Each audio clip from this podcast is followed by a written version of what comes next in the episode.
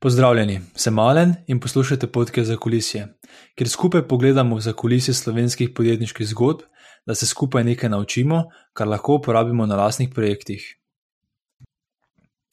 V 26. epizodi podcasta za kulisje sem se pogovarjal z Primožem Ciglerjem iz podjetja Proteus Teams.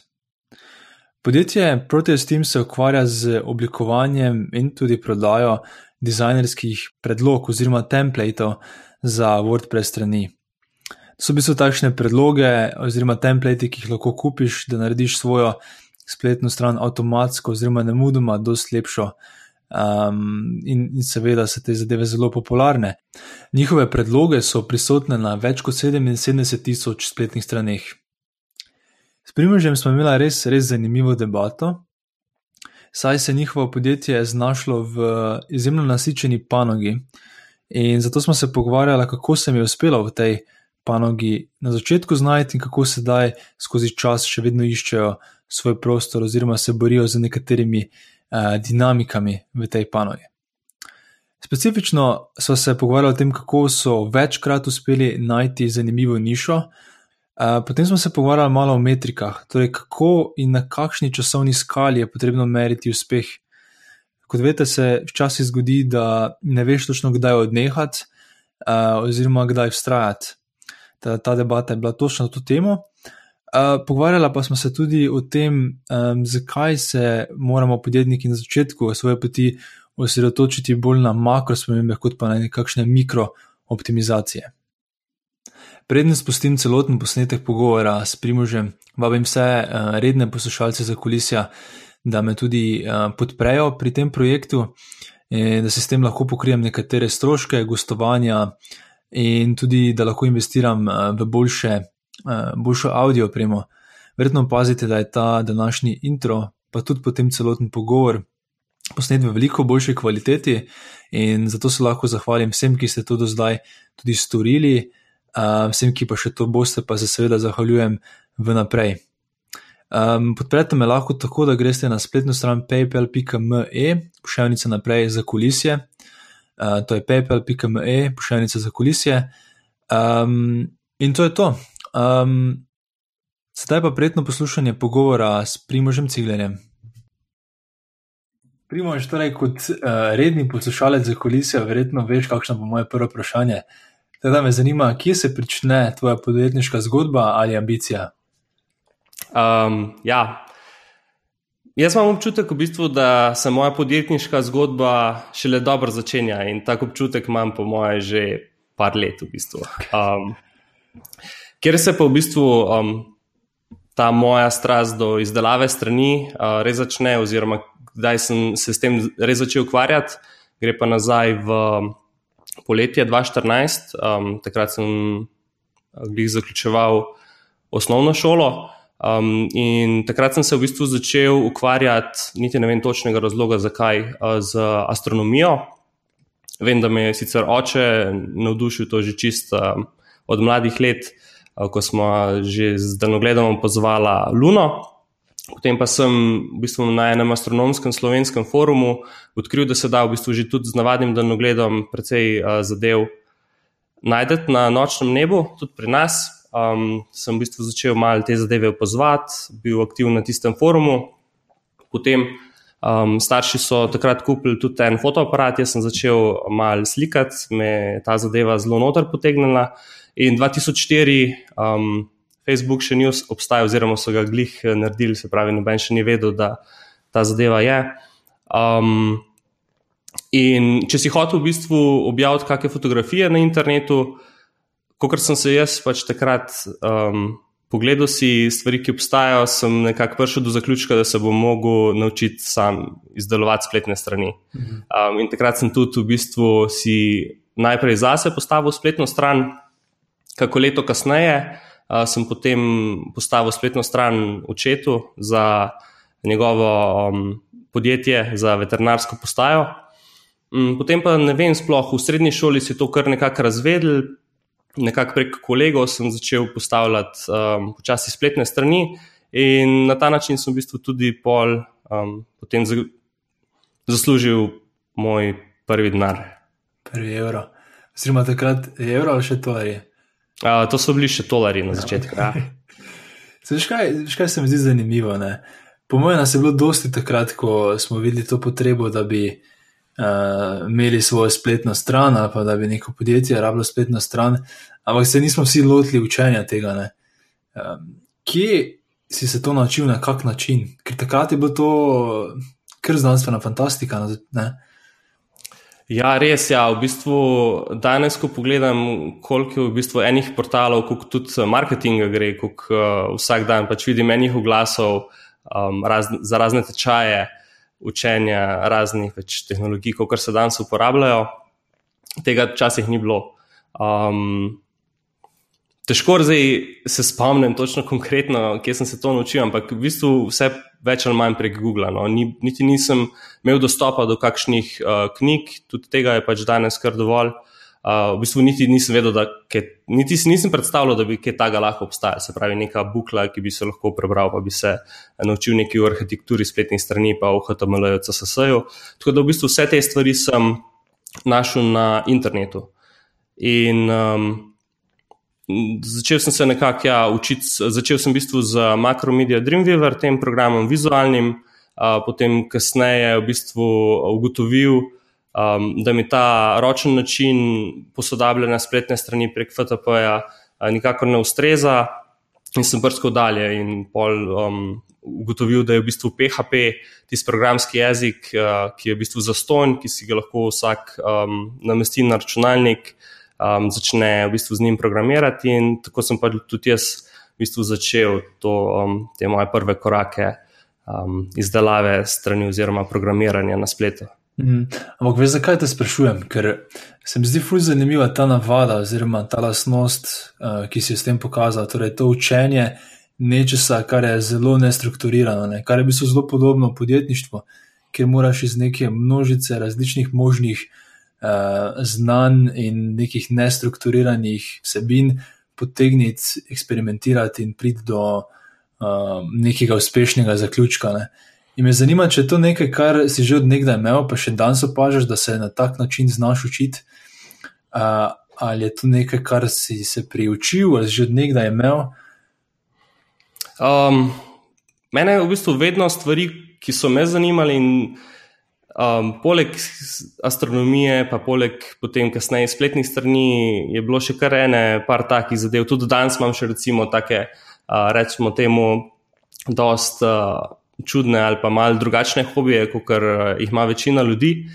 Um, kadar me nekaj v bistvu to, tako prime, si ne morem pomagati, da ne bi pač šel, pa ker pač eh, se v bistvu vrgel v to stvar na glavo um, in potem ugotavljal, kako, v bistvu, kako stvari delujejo. No? Um, se pravi, zelo, zelo sem v bistvu tak, da pač. Um, Se hitro pač lotim stvari, začnem nekaj delati, in pol vidim, kam me neka zadeva pripelje, pa spet, ko pridem v bistvu do, nega, uh, do neke barijere, uh, mi je v bistvu to tak en zanimiv challenge, kako bom zdaj to, to mhm. zadevo rešil.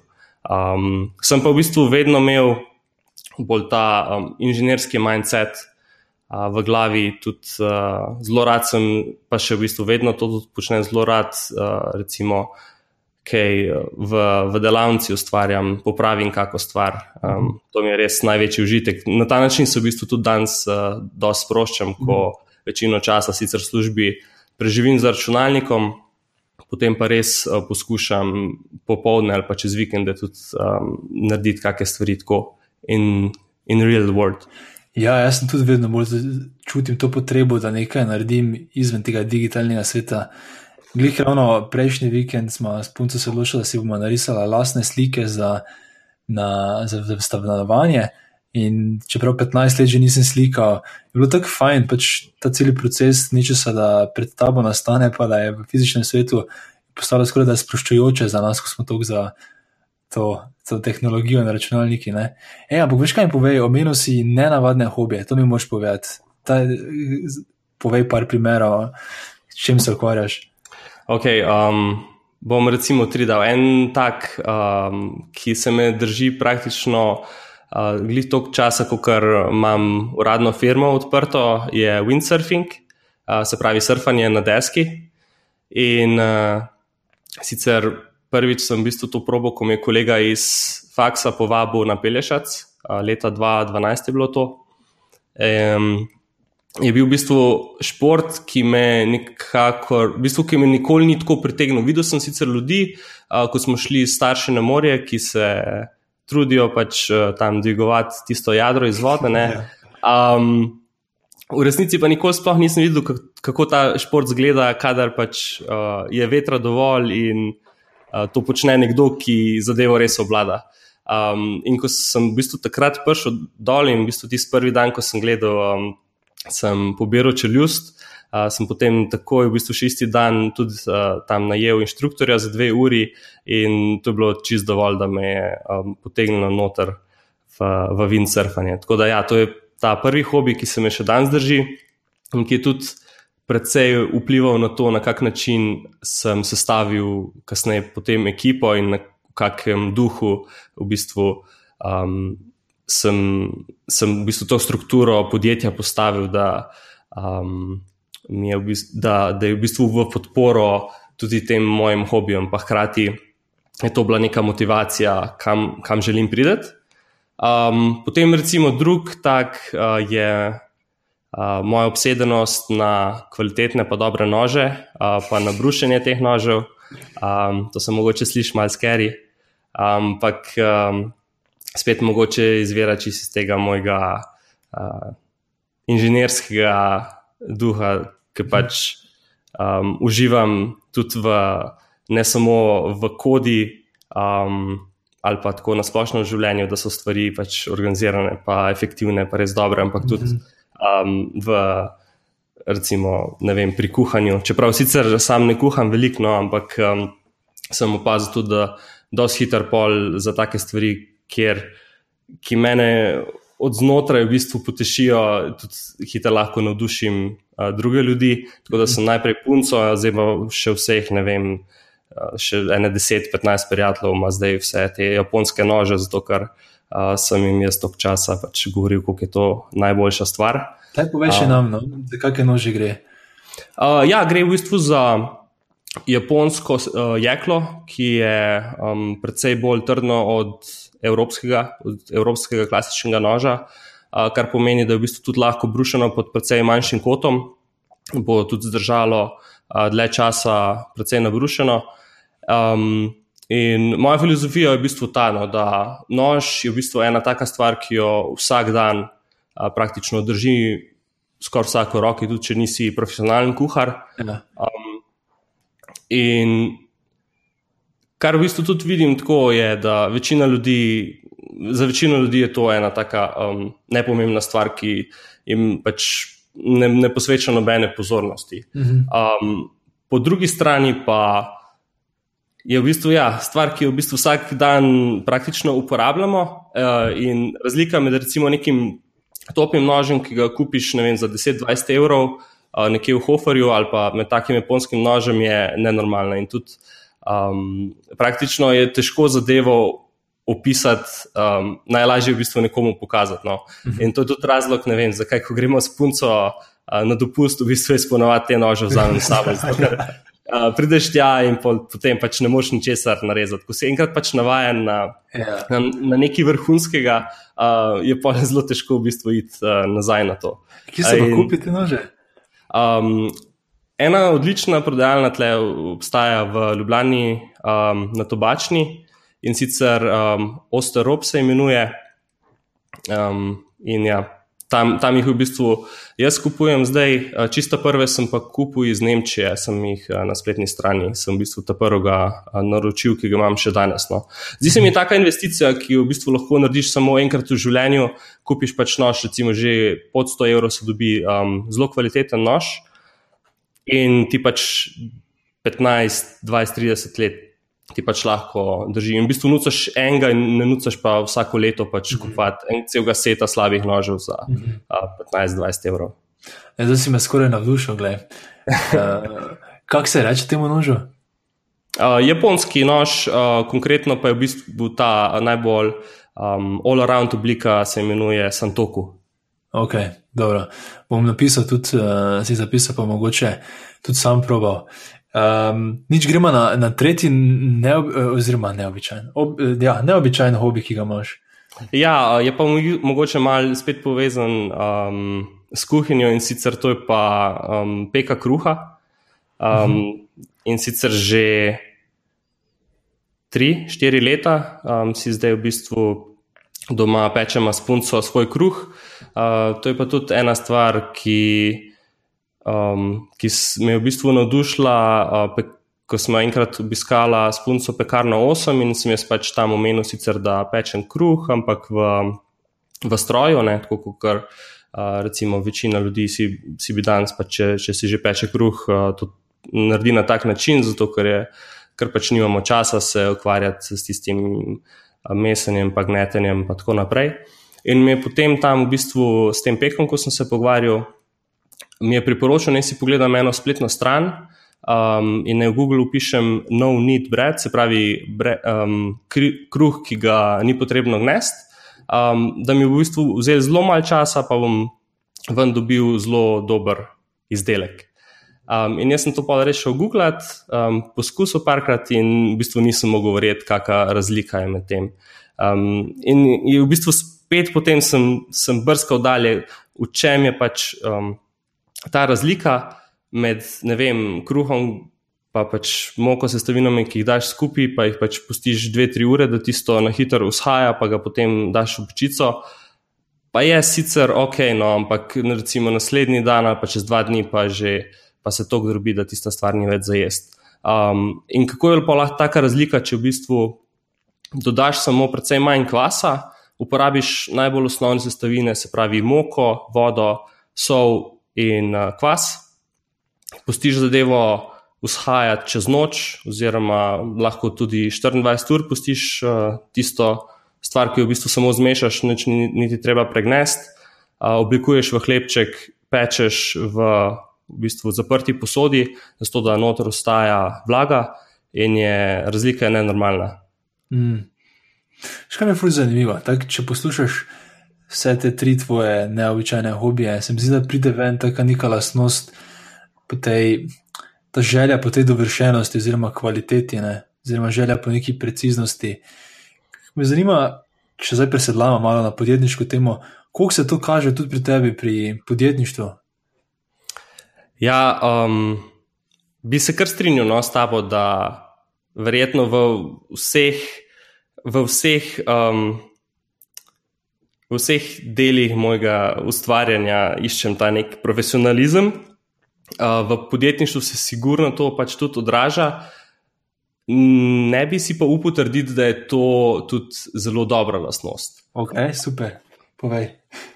Ja, um, in sicer opažam, no, predvsem v zadnjem letu, dveh, um, ko smo v bistvu morali iz um, nekega obdobja, kjer smo, kjer smo se lahko um, izključno v bistvu delali samo na, na kvaliteti in samo na, tehnični, um, na tehničnem delu biznisa, na tehnični strani produkta, uh, kjer v bistvu te zadeve zelo pridejo lepo do izraza. Pa zdaj v bistvu nazaj do tega, kjer spet um, malenkost bolj iščemo, pa smo mogli um, več investirati v marketing, uh, kjer pa je potem v bistvu bolj ključno da se znaš hitreje obrniti, ne pa da iščeš um, neko perfekcijo v vsaki stvari. Se pravi, da um, si hitreje zadovoljen z rezultatom, pa v bistvu probaš čim več stvari, kot pa da uh, vlagaš veliko energije in časa, da eno stvar um, peleš do perfekcije. V bistvu um, to 80-20 rule. No? Um, mm -hmm. Se pravi, potem z zadnjimi 20% se ukvarjaš večino časa, kar pa ponavadi um, ni, ni upravičeno no, na koncu. Uh -huh, uh -huh. zdaj, zdaj bi te prosil, da poveš na kratko, um, s čim se sploh ukvarjate, pa potem mogoče to zgodbo od začetka, oziroma to genezno zgodbo. Uh, pa se potem lahko vrnemo na to preciznost, uh, ker me res zanima, koliko ste to na začetku naredili. Ampak to samo za vse poslušalce, da vejo, o čem se pogovarjamo in uh -huh. kako ste začeli. Okay. Um, podjetje, um, ki ga imamo v bistvu skupaj z Jako Schmidt, um, se imenuje Proteus Teams. Izdelujemo template za spletne strani, bolj specifično WordPress teme. In sicer to so naprej pripravljene dizajnerske predloge, ki poskrbijo, v bistvu, da je postavitev strani hiter, enostaven, pa cenovno učinkovit proces. Um, naša tipična stranka so v bistvu podjetja ali pa um, ljudje iz stroke, uh, dizajnerji, programerji, marketingerji, manjše agencije, ki postavljajo spletne strani končnim naročnikom.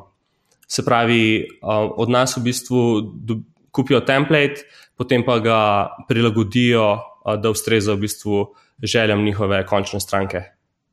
Mhm. Zdaj pa gremo na to zgodbo geneze. Torej, kako se je vse skupaj začelo? Okay.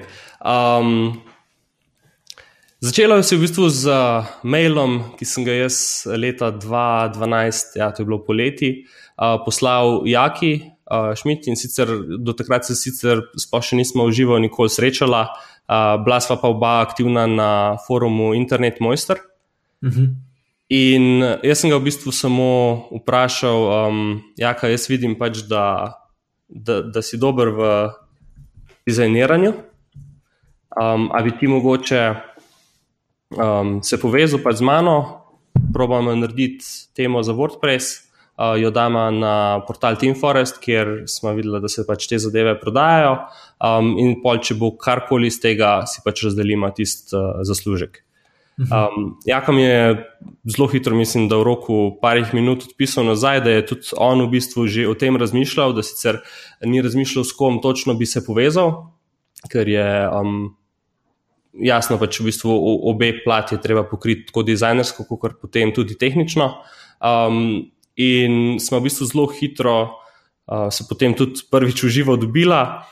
Uh, jaz sem pripravil eno zelo osnovno tako pogodbo, kjer je, sam, kjer je samo. Um, kjer je pisalo, v bistvu, kaj bo kdo naredil, um, dokdaj bo to naredil, pa tudi uh, napisala smo noter ene penale, take, um, kaj se mhm. zgodi, pač, če, če kdo od naju zamuja. Imáš kakšen primer tega penala? Ja, mislim, da smo imeli uh, 10 evrov na dan ali nekaj takega, uh, se pravi za, za zamujanje. Bilo je pa v bistvu določeno, da on najprej do nekega datuma zdizajnira. Um, Se pravi, to predlogo potem bom pa jaz prevzel in skodiral. Um, mm. In je bilo pač določeno, ja, koliko se pač zamuja, pa tudi isto se, se je meni potem za isto število dni podaljšal ta um, čas izdelave. In ta denar je potem šel stran od, uh, torej, če nekdo zamudil za en dan, potem je dobil 10 evrov manj od prihodkov. Ne? Uh, ne, v bistvu smo kar rekli, bomo kar uh, plačali si direktno, tako da uh, putting the money where your mouth is. Čakaj, torej ti si njemu plačal za njegov del, on pa tebi za tvoj. A, ne, ne, ne, ne tako. Um, v bistvu pač noben, noben, noben mu ni plačal, ampak um, recimo, Jaka je imel postavljen, zdaj bom na pamet rekel, do 15. novembra, da bo pač dostavil design file. Um, in je potem dejansko on zamujal pač ene par dni, ne vem, pet ali šest. Um, pa je v bistvu on mi pol mogel plačati uh, 60 evrov, pač zato, oh, ker, je, okay. ker, ker je toliko časa pač zamujal. Uh, in to je bila super motivacija za naj oba, v bistvu, da uh, dejansko se lotimo tega projekta resno. Ker je, v bistvu, kar je v bistvu zelo težko, če freelancaš, ne, um, pa imaš konstanten nek. Pač, Koliko v bistvu narediš, toliko pa pač strankam tudi uh, zaračunaš, ne, in nekako bolj direktno vidiš, koliko boš zaslužil, pa direktno, ta, um, direktno razmerje pač imaš uh, stranko, se pravi, ja, koliko ur pač prodam, to bom zaračunal in za, to, za te ure bom dobil plačan. Tle pa v bistvu ni bilo tega, ne? na koncu nisem vedela, kak potencial v bistvu ima ta zadeva. Pač videla smo sicer, da kolik, um, za koliko denarja se te teme prodajajo, pa tudi po koliko kolik števil, v bistvu, licenc prodajo. Nismo pa vedela niti, v bistvu, če nas če bomo zadevo na dosti dobrem nivoju naredili, da bojo na tem portalu tudi uh, zadevo sprejeli. Uh -huh. za, za nekoga, ki mogoče nima občutka, za koliko se prodajajo te teme? Um, Nekako okoli 50 do 70 dolarjev uh, so cene za eno licenco, um, potem pa se to zelo še razlikuje, um, kdaj v bistvu pride do, um, do pač ponovnega, se pravi, obnavljanja licenc, um, tudi če gre za kakšne komplete, ampak recimo rule of thumb je 60 dolarjev. Mhm. In koliko je približno, če, vem, če je ena tema uspešna, koliko, koliko jih prodaš? Um, najbolj uspešni produkti, tako ne naši, ampak uh, v svetovnem merilu, uh, so prodali po več sto tisoč um, okay. licenc iste teme. Mm -hmm. Torej, milijonsko. Ja. Ena tema je milijonska. Okay. Tako je. Ja. To je le biznis, ne? To, da verjetno sta videla veliko priložnosti in sta htela skočiti tu. Ne? Tako je. Ja. Torej, če gremo naprej, napisala sta to pogodbo. Ta pogodba je bila samo za ta prvi poskus, ali tudi ste že razmišljali za naprej? Nič eh, nismo razmišljali za naprej, nobenih planov naprej nismo delali, uh, glih z, z razlogom, v bistvu, ker nismo vedeli, če bomo sploh uh, kadarkoli tudi. Um, če, če bomo sploh karkoli iz tega zaslužili, ker. Um, nismo vedeli, če smo v bistvu dovolj dobro, sploh, da naj bojo na Team Forestu sprejeli. Vedela pa sva, da imajo v bistvu precej zahtevne um, reviewerje, se pravi, njihove zahteve, kar se tiče dizajna, so bile um, zelo visoke in pa jasno, ker gre za dizajn, praktično subjektivne. Mhm. Um, kar v bistvu pomeni, da ti lahko, kljub temu, da si ti vložil mesec uh, ali pa več dela v neko stvar, lahko v bistvu na koncu zaključi s tem, da nek reviewer na drugi strani reče: um, Hvala, sicer pač lepo, da si se potrudil, ampak uh, tega ne bomo prodajali pri nas. Sicer to se je potem kasneje fulj spremenil, danes uh, stvari na tem forestu ne delujejo več tako, ampak takrat pa je v bistvu bilo in nasplošno veljal, da je kar uh, precej veliki challenge. Prideti uh, in biti odobren na njihovi strani. Pa ste probali videti, na kak način zmanjšati ta riziko? Ne vem, ste se pozanimali pri komu ali na kakršen koli drugi način, ali je bilo pač z vajne strani to, ok, probamo, pa bomo videli. Uh, ja, v bistvu je Jaka naredil tle um, en zelo dober research in sicer na Team Forestu je bil zelo aktiven community, v bistvu še danes je eno, uh, imeli so forume in je tam že zelo hiter um, gor uploadal te prve skice um, dizajnov. Mm. In prosil v bistvu za feedback. Se pravi, Super. druge avtorje, ki so že prodajali uh, gor, ki so že recimo, imeli občutek, um, kakšne stvari, um, ja, bo kak tip dizajna, v bistvu, ali kako dober mora biti dizajn, da ga bojo sprejeli kot drugo, pa smo se v bistvu tudi zelo, uh, bom tudi rekel, no, v bistvu jaka zbral to nišo in sicer za frizerske salone.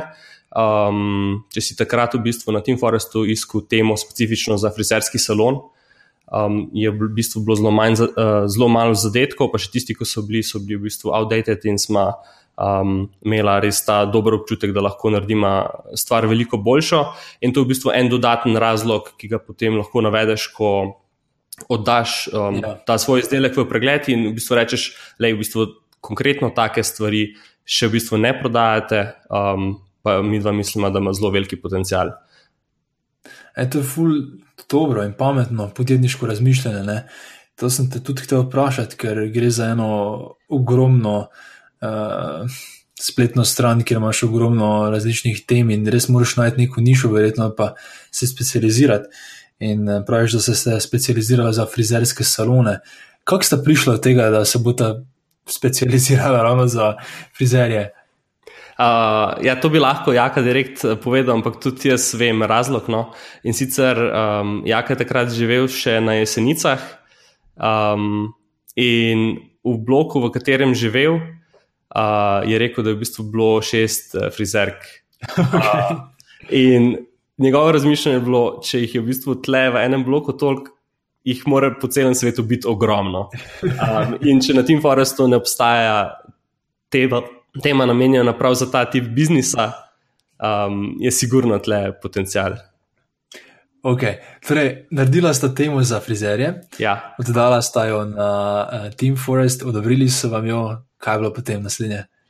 Uh, ja, v bistvu lepota marketplaceov, kot je Team Forest, je v bistvu ta, da če imaš, v bistvu, če, če zadaneš produkt, um, se res lahko fokusiraš um, samo na tehnično plat tega produkta. Se pravi, pri temah uh, najbolj prodaja dizajn pa potem kasneje, v bistvu, da imajo stranke s tem dobro izkušnjo, se pravi, da je kvalitetno skodirana, da enostavno lahko spremenjajo izgled te teme. Um, in v bistvu ni se nama bilo treba praktično nič potruditi z marketingom, da smo že um, v prvem dnevu dobila dve prodaji uh, tega najnega produkta, kar je v bistvu bil, bila taka ena največja nagrada. Ne, ne sam, ima misel, v bistvu, koliko smo zaslužili, ampak to, da dejansko smo naredili stvar, za katero je nekdo pripravljen plačati. Hkrati pa jo v bistvu lahko prodajamo takrat, ko spimo. Se pravi, da mm. ne prodajamo več svojih ur, ampak prodajamo produkt, v katerega smo pač investirali čas, zdaj pa vsaka naslednja licenca, ki jo prodajamo, praktično um, ne zahteva od najmonega direktnega outputa. Če prav razumem, sta bila predtem oba dva freelancerja in je dobil prvi poskus v produktnem, uh, ali ne? Tako je, v bistvu oba dva smo bila freelancerja. Um, jaz sem sicer imel že predtem um, ene par poskusov, uh, recimo produktov. No, jaz sem se tudi um, s fotografijo ukvarjal, oziroma ta moja strast do astronomije je potem v srednji šoli vodila do astrofotografije. Sem um, v bistvu prodajal nekaj časa stok fotografije, sem bil eden prvih na Shutterstock portalu, ki je um, uploadal pač slike meglic, galaksij. Gor in uh, so se te zadeve nekaj časa precej dobro tam prodale, dokler niso še pač precej boljši ljudje od mene, ki so tudi bili finančno dosti bolj podprti, uh, isto zadevo v bistvu odkrili, pa um, je potem so te moje prodaje šle dol. Ampak um, konkretno, kar se pa tiče produkta, digitalnega produkta, um, ki ga prodajaš prek interneta, pa je, ja, um, smo v bistvu predtem smo prodajali ure, um, svoje pač ure. Mhm. Z, v bistvu s tem pa ja, um, smo se smo odkrili te lepote um, produktnega um, ja, prodajanja produktov. Ja, sprašujem glih iz tega razloga, ker uh, sem imel z Urošem Čimžarjem iz Domence tudi debato na to temo. Ne. Oni so začeli z prodajanjem uh, ur, oziroma so bili pač spletna agencija in potem so naredili svoj produkt in so imeli tudi to željo imeti produkt, ampak so začeli storitvijo. In on je tudi v, tej, uh, v tem podkastu rekel, da če še ne veš točno, kak produkt bi rad delal, da je mogoče boljši način, da preživiš, pa da se naučiš, da pričneš z storitvijo ne? In tam si zbereš um, nabereš izkušnje in potem presedlaš na produkt. Um, in to mi je bilo zanimivo, da ste videli na podobno zgodbo. Um, jaz Tle, v bistvu, kot smo zdaj v tem, bolj opažam, da je to uh, nekako najbolj, najbolj neboleč, najbolj na, tako organski način, no, kako uh, presedlati iz, iz storitve no, v, na, na, v, v, ja, v produkt. Recimo. In tudi uh, zdaj v tej fazi, ko smo um, po svoje, prehajamo na pol nazaj v v storitveno dejavnost, glih z namenom, ne zato, da bi tle ostali, um, ampak z namenom, da spet um, pridemo nazaj v, v fazo, kjer v bistvu delaš stvari, um, pa hkrati vse čas v zadju razmišljaš, kako bi lahko te stvari softversko rešil v mhm. obliki enega produkta. Um, in praktično, um, praktično moš podoživljati ta pain, ki ga ima stranka. No. Sicer um, veliko lahko zveži iz intervjujev, ampak nekaj čist druga pa je te stvari v bistvu izkusiti na vlastni koži. Ja, enkrat mi je, ne vem točno kdo, rekel, da na začetku si produkt ti in s tem je mislil, da ne rabim noben softver, nič, da lahko samo jaz, vse to, kar bi softver naredil, jaz naredim za stranko in ga ponudim. Ne. Um, ampak, veš kaj, da gremo še malo nazaj na tisti vaš začetek, ker me zanima, um, pridemo kasneje točno do te faze, v kateri ste zdaj, ki je izjemno zanimiva. Uh, ampak bi še rad tudi tistih prvih uh, trenutkov se dotaknil, ker se mi zdijo tudi, tudi zanimivi. Torej, kako ste prišli od tega, da sta prodala te dve uh, temi uh, na vajem prvi dan, do tega, da ste potem zrasli na nekaj zaposlenih? Uh, ja, ko smo. V bistvu, takrat, ko so nama odobrili to prvo temo, um, smo oba bila še študenta. Um, Jaz sem zaključoval, oziroma sem bil absolvent um, prve stopnje študija astrofizike na FMF. Um, in imel sem, oziroma še vedno imam preveč kolegov, um, ki niso nikoli doštudirali. m, bil sem pa čist od malega že vzgajan v bistvu v tej veri, da če se nečesa lotim, ne zadevo spelem do konca, ker sicer pač uh, ta stvar nič ne šteje. No. In sem tudi, uh, tle sem, čeprav je v bistvu bila zadeva um, zelo, zelo exciting, pa sem si v bistvu res želel te stvari naprej delati, sem rekel, first things first. Um, bom pač končal ta študij, zato ker sem imel samo še tri izpite do konca. Um, in sem pa tudi to v bistvu tudi res naredil. Um, Jaka pa je takrat, mislim, da glih dobil pač, um, neko redno službo. Um, tako da smo v bistvu, jaz sem zaključoval še neke freelance projekte za nazaj. Um, potem s prodajo pač tem, teh tem um, sem tudi v bistvu jaz skrbel za podporo, um, zaključoval sem študij in ta proces je v bistvu trajal um, ene tri četrt leta, preden smo se v bistvu lotili izdelave naslednje teme. Um, ko sem pa jaz v bistvu študij zaključil, pa sem si sem rekel, v bistvu sam pri sebi, pa tudi jako, uh, če je pač on pripravljen, jaz sem pripravljen zdaj eno leto dati um, full in v v WordPress teme, se pravi v ta zametek, uh, zametke tega biznisa. Um, pa bomo videli, pač, kam nas to pripele. Se pravi, uh, vedno lahko grem nazaj na faks, uh, nadaljujem pač tudi fizike, oziroma razmišljal sem tudi v bistvu o tem, da bi drugo stopnjo delal na friju. Um, če bo pa, pač zadeva funkcionirala, bomo pa tako ali tako videla, pač, uh, kam naj to pripele. Tako da, ja, um, v to je bilo v bistvu jeseni leta 2013, um, smo potem v bistvu se čist ob, oba stoprocentno vrgla v izdelavo pač novih tem. Um, in jaz sem potem po dveh, treh mesecih že začel v bistvu razmišljati, um, da bi si. Um, Da bi si Da bi, da bi zaposlil pač eh, prvega človeka, ki mi je pomagal pri programiranju, uh, ker sem ugotovil, da Jaka lahko v bistvu hitreje zdizajnira nove teme, kot jih lahko jaz eh, sprogramiram. In tako sem v bistvu tudi začel, uh, praktično z uh, prihodki, ki so, uh, recimo, to je bilo, ne vem, po 5-6 tisoč um, dolarjev na mesec takrat kar se mogoče sliši veliko, ampak za nek biznis to je, so to praktično pač zanemrljivi prihodki. Um, sem imel več sreče kot pameti no, in uh, šel spet kar v, v to odločitev, da bom pač najdel nekoga zraven. Tako se je v bistvu Marko um, kot prvi programer pridružil firmi. In ki pa je tudi pač še, še danes z nami. Mhm. Kaj bi rekel, da so bile mogoče tako najbolj prelomne točke um, na vaši poti navzgor? Um, ja, ta prva zaposlitev, sigurno, um, tle se ti sigurno največ, uh, v bistvu čist pri ta prvi zaposlitvi se, se najbolj v bistvu pozna tudi na samem cashflowu, se pravi, da lahko vzdržuješ, se pravi, ko moš nekoga plačati plačo. Na začetku je tako na sebe gledaš kot na nekoga, ki bo pač že nekako preživel, pa nekaj imaš mogoče našparan um, pa navaden si še v bistvu tistega študentskega življenja. Um, ampak, ja, ko imaš pa v bistvu nekoga zaposlenega, je pa v bistvu to takoj neka večja odgovornost.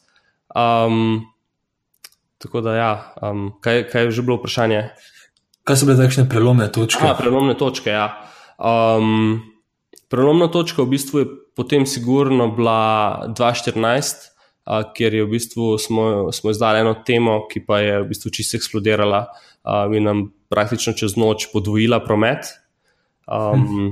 Se pravi, v 2014, potem to je bilo um, takrat, ko je Marko začel delati, se pravi, on je začel, mislim, da z decembrom 2013. Uh, na začetku 2014 smo zelo um, pohitrili to izdajo novih tem, smo, mislim, da izdali štiri ali pet novih potem pa je prišel v bistvu ta tema za uh, gradbince um, z imenom BuildPress, uh, ki, pa je, ki pa nam je, tako kot sem rekel, praktično čez noč uh, podvojila prihodke, uh, nas hiter pač um, pripeljala iz, vem, iz 20 tisoč mesečnega revenue na 40 tisoč.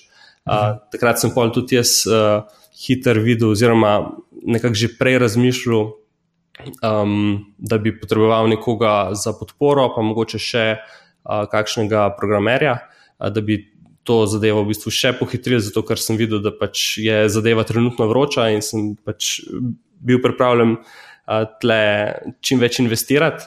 Um, ja, in v bistvu ta BuildPress, um, pa potem še naslednjih par tem, um, nam je v bistvu nosilo kako leto kar lep denar. Um, so nas pa v bistvu zelo hitro na marketplaceu, pač, ko je enkrat tema um, postala zelo popularna, so nas drugi v bistvu začeli kopirati. Um, Tle pa je v bistvu se pol, so se v bistvu izkazale tako, kot prvo, neke negativne strani marketplacea, kot drugo pa tudi v bistvu neka um, moje ne vem, po mojem, nism, nismo bili mi, pa jaz sam tudi pripravljen na, na kaj takega, pač, eh, takrat, ker um, se tudi nismo resno pač lotili in samega biznisa in vsega. Se pravi, ti znar, ki je v bistvu takrat prihajal, ga niti nisem znal nekako um, pametno investirati, pametno porabiti na tak način, da bi v bistvu um, že takrat razmišljal, kaj bomo kako bomo v bistvu ohranili to konkurenčno prednost na dolgi rok, oziroma začel že takrat razmišljati, kako se bo v bistvu ta market spremenil v naslednjih letih. Um, mm. Kar nas potem v bistvu pripelje do leta. Um, Še za sekundo bi se ostal pri tej temi. Okay. Build press. Si kdaj analiziral, mogoče, um, kaj je bilo tako posebnega na tej temi, da vas je pripeljala, oziroma podvojila potem prihodke? A je ste odkrili neko nišo, ali je bilo mogoče, ne bi rad o sreči govoril, samo pač, veš, če ne vem, 20-30 tem daš ven, a je to potem, veš, tako kot pri glasbenikih, ko enostavno naredijo 30 pesmi v enem mesecu, pa potem ena je pač uspešna, pa niti sami ne vejo zakaj, ali ste ugotovili, naredili analizo, pa aha, to je, to je zdaj hod, torej bomo tu vlagali. Um, um, ja, kadar govorimo o sreči, tako kot si rekel na začetku, pač um, Kaj reče sreča, to ponovadi z drugimi besedami poveš, da ne veš čisto točno, kaj je bil pač v razlog. Verjetno ni bila uh mhm. -huh. pač sreča, sreča, um, ampak je bil nek razlog, um, kjer pa ne bi dal roke v ogen, pač da je bila res točno ena stvar. Um, jaz v bistvu, ko gledam nazaj, um, je bilo ene par ključnih faktorjev, um, ki je povzročilo, da se je zgodilo to, kar se je zgodilo. Um, Prvi je bil ta, da je v bistvu Bildpress eh, bila čisto prva tema, kjer smo se izbire eh, niše lotili na podlagi analize enih podatkov. In sicer um, je, mislim, da spet jaka najdu um, nekje na internetu um, baze v bistvu ameriških podjetij, nekaj takega, kot je pri nas um, IPS. Mm. Um, kjer v bistvu imaš kategorizacijo po določenih panogah, um, jaz sem v bistvu potem v, v Excelu naredil ene par filtrov, kjer sem praktično na pamet um, določil, kdo, kak ti biznisa je v bistvu um, tak biznis, ki v bistvu uporabljajo uh, temo. In je bil tam nek clear winner, bil, so bila ta gradbena podjetja. Um, to je bil v bistvu en razlog. Ta drugi pomemben razlog pa je bil v bistvu to, da so praktično vse teme do tistega trenutka um, svojih, na svojih demo pages, se pravi tam, kjer dejansko ti pogledaš, kako približno bo tvoja spletna stran izgledala, so uporabljale Lorem Ipsum tekst. Um, jaz sem pa vedel že iz svojih freelancerskih let, da vedno, ko si stranki pač prinesel stran pokazati. In si dal noter Lorem Ipsum tekst, uh, se je stranka najprej v to zapičila. Uh, kaj, kaj je to nek latinski pač tekst, le, um, zakaj, da bo pač le nekaj druga pisal. Um, in smo v bistvu takrat um, najela nekoga, da nam je napisal v bistvu uh, tekste, kot bi bili v, na, ta pravim, uh, na ta pravi spletni strani. Uh, pa tudi Jaka je zelo velik časa vložil v to, da je našel zelo dobre, pa kvalitetne slike, ker to naredi večino pač spletne strani. Uh, se pravi, na splošno je spletne strani predvsem um, izražajo neko sporočilo prek, uh, prek vsebine, prek, in to v bistvu so na internetu tekst in slike. Um, in na ta način je v bistvu zelo tema izstopala od drugih. Um, in jaz mislim, da sta to dva razloga. Se pravi, potem, predvsej kasneje, v bistvu šele v zadnjem pol leta, um, ko smo začeli delati te intervjuje s strankami in res dosti boljš pač um, spoznavati ljudi, smo nekako. Ko smo pogledali nazaj, smo nekako videli, da bi to res bil lahko ta glavni razlog za uspeh. Um, ker so nam pol v bistvu ti naši kupci potrdili, da to skrat oni nesajo, se pravi, ker um, demo te teme do stranke in jim pač tam kažejo, da je približno tako bo tvoja stran izgledala. In zdaj, če so našli, ne vem, pet uh, tem, ki bi recimo tej stranki ustrezale, štiri so imele noter Lorem Ipsum vsebino, naša pa je imela vsebino, kot bi dejansko neka um, stran za gradbinsko podjetje izgledalo, um, je to lahko bil odločilen pač faktor, zakaj je se v bistvu ta uh, končna stranka odločila pač točno za našo in ne za une ostale štiri. Zelo zanimivo. Zelo. S kom ste se pa pogovarjali to z temi dizajnerji, ali ste se pogovarjali tudi z končnim potem odločevalcem, torej kupcem oziroma naročnikom? Um, hm. Ja, večinoma v bistvu zaenkrat z dizajnerjem, marketingerjem, spletnimi agencijami. Um, se pa zelo strinjam, da bi v bistvu mogli iti tudi do čist do končne stranke, s tem, da je tle ponovadi um, mogoče malo teže, no, včasih pride direktno do njih, oziroma uh, direktno jih ujeti v ta pravi fazi. Se pravi, ko so ali odločajo za spletno stran. Uh, oziroma, zelo malo po, po izdelavi spletne strani, uh, ko so pač imajo še v bistvu sveže te spomine. No. Mhm. To je bilo pri nas tudi dosti krat en najtežji del projekta, je bilo najti primerne eh, sogovornike. Najti točno taki profil, da ti bodo relevantne podatke. Ja. Um, ok, torej obdelali smo te teme in potem si rekel, da prijemo počasi do naslednjega trenutka. Ali smo zdaj že v današnjem času ali smo še kje druge? Um, ja, ne, vmes je pač še ena zelo pomembna faza in sicer. Um, Kljub temu, da je bil pač Bilti prej tako uspešen, smo potem pač uh, poskušali, oziroma uh, jaz sem bil praktično prepričan, no, da zdaj pa poznamo formulo za uspeh in lahko to stvar ponovimo. Mhm. In smo šli v bistvu naprej po tistem seznamu podjetij. Um, in sicer release novih tem za um, small business. Um, so sicer bili uspešni, ampak niti približno tako uspešni, kot je bil Bildpres. Se pravi, tudi z vsakim naslednjim releasom um, smo v bistvu je bil ta skok revenue um, manjši.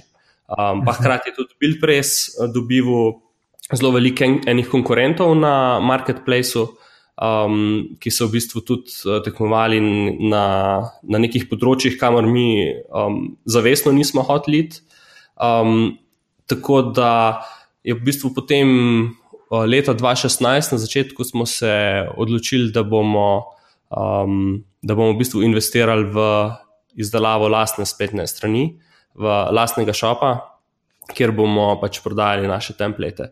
Zdaj, razlogov je bilo več. En je v bistvu ta, da um, je na samem sam Team Forest v bistvu um, začenjal uh, postajati zelo nasičen. Um, se pravi, tam, kjer je bilo na začetku ogromno enih priložnosti, um, je zdaj toliko v bistvu bilo nekih oči uprtih, toliko novih avtorjev je gor uh, začel postati svoje produkte, uh, da je bilo v bistvu obvezno, da se je začel vlagati v marketing. In zdaj, če hočeš vlagati v marketing, uh, je super tudi, če lahko zadeve pač meriš, sploh na spletu. Um, šli smo tudi do ene v bistvu slovenske agencije, da bi nam pri tem pomagala. Um, smo tudi imeli eno uh, finančno, recimo, um, precej zajeten uh, test, ki na koncu ni dal v bistvu nobenih rezultatov. Um, tako da v bistvu smo pol tudi na koncu prišli do. Do tega, v bistvu do tega ja, da če pač hočemo tle ostati, um, bomo mogli vlagati v marketing, hkrati pa nočemo vlagati v marketing in potem ljudi pošiljati na marketplace, ker imaš zelo malo uh, svobode, kar se tiče uh, vem, spreminjanja same oblike. Hkrati pač ljudje vidijo še tam potem, ne vem, tisoč drugih produktov, ki so v bistvu tvojemu podobni. Uh, samo v marketplaceu je pa v bistvu uh, vse en, ali ti ali prodajo pač tvoj produkt ali od nekoga druga, ker oni v vsakem primeru pač zaslužijo, v vsakem primeru vzamejo svoj fi. Um, tako da smo se ja, odločili za izdelavo vlastne spletne strani, um, ker pa se je v bistvu šele potem izkazalo, kako v bistvu težko um, se, je, se je pozicionirati na trgu, recimo, ki je pa vseeno z WordPress tremami bil star že um, deset let um, in začeti se ukvarjati s stvarmi, na katere prej niti pomislili nismo, recimo, kje bomo dobili svoje stranke, kako bomo pač postavili pricing, kako bomo um, vem, rešili ostale tehnične težave, si, s katerimi se do zdaj ni bilo treba ukvarjati, recimo uh, licenciranje, izdaja računov.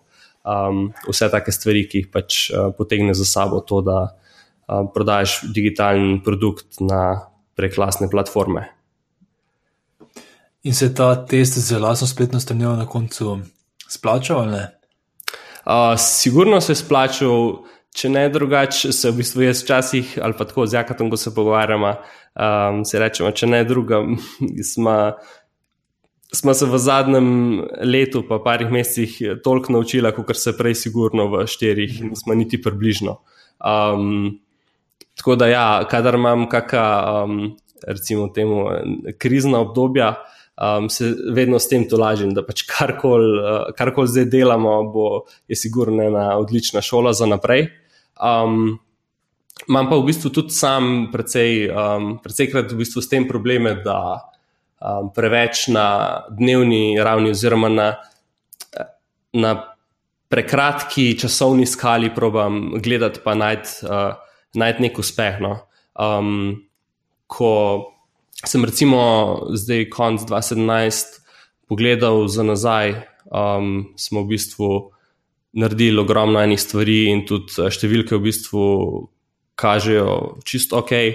Um, čeprav sem pa imel vmes ena obdobja, kjer sem bil um, zelo, zelo zafrustriran no, in uh, že na uni stopni, ker pač sploh ne verjameš več, da um, stvari, ki jih pač delaš, da, da greš v bistvu, da se sploh premikaš v pravo smer, oziroma sploh ne vidiš več smisla, zakaj bi se s tem še ukvarjal. No. Ampak, um, ja, rešitev v bistvu tega, no, um, ali pa vsaj kar je meni zelo pomagal, uh, kot prvo podcast za kulisje. Uh, ja, ne, res, um, zelo sem hvaležen. No.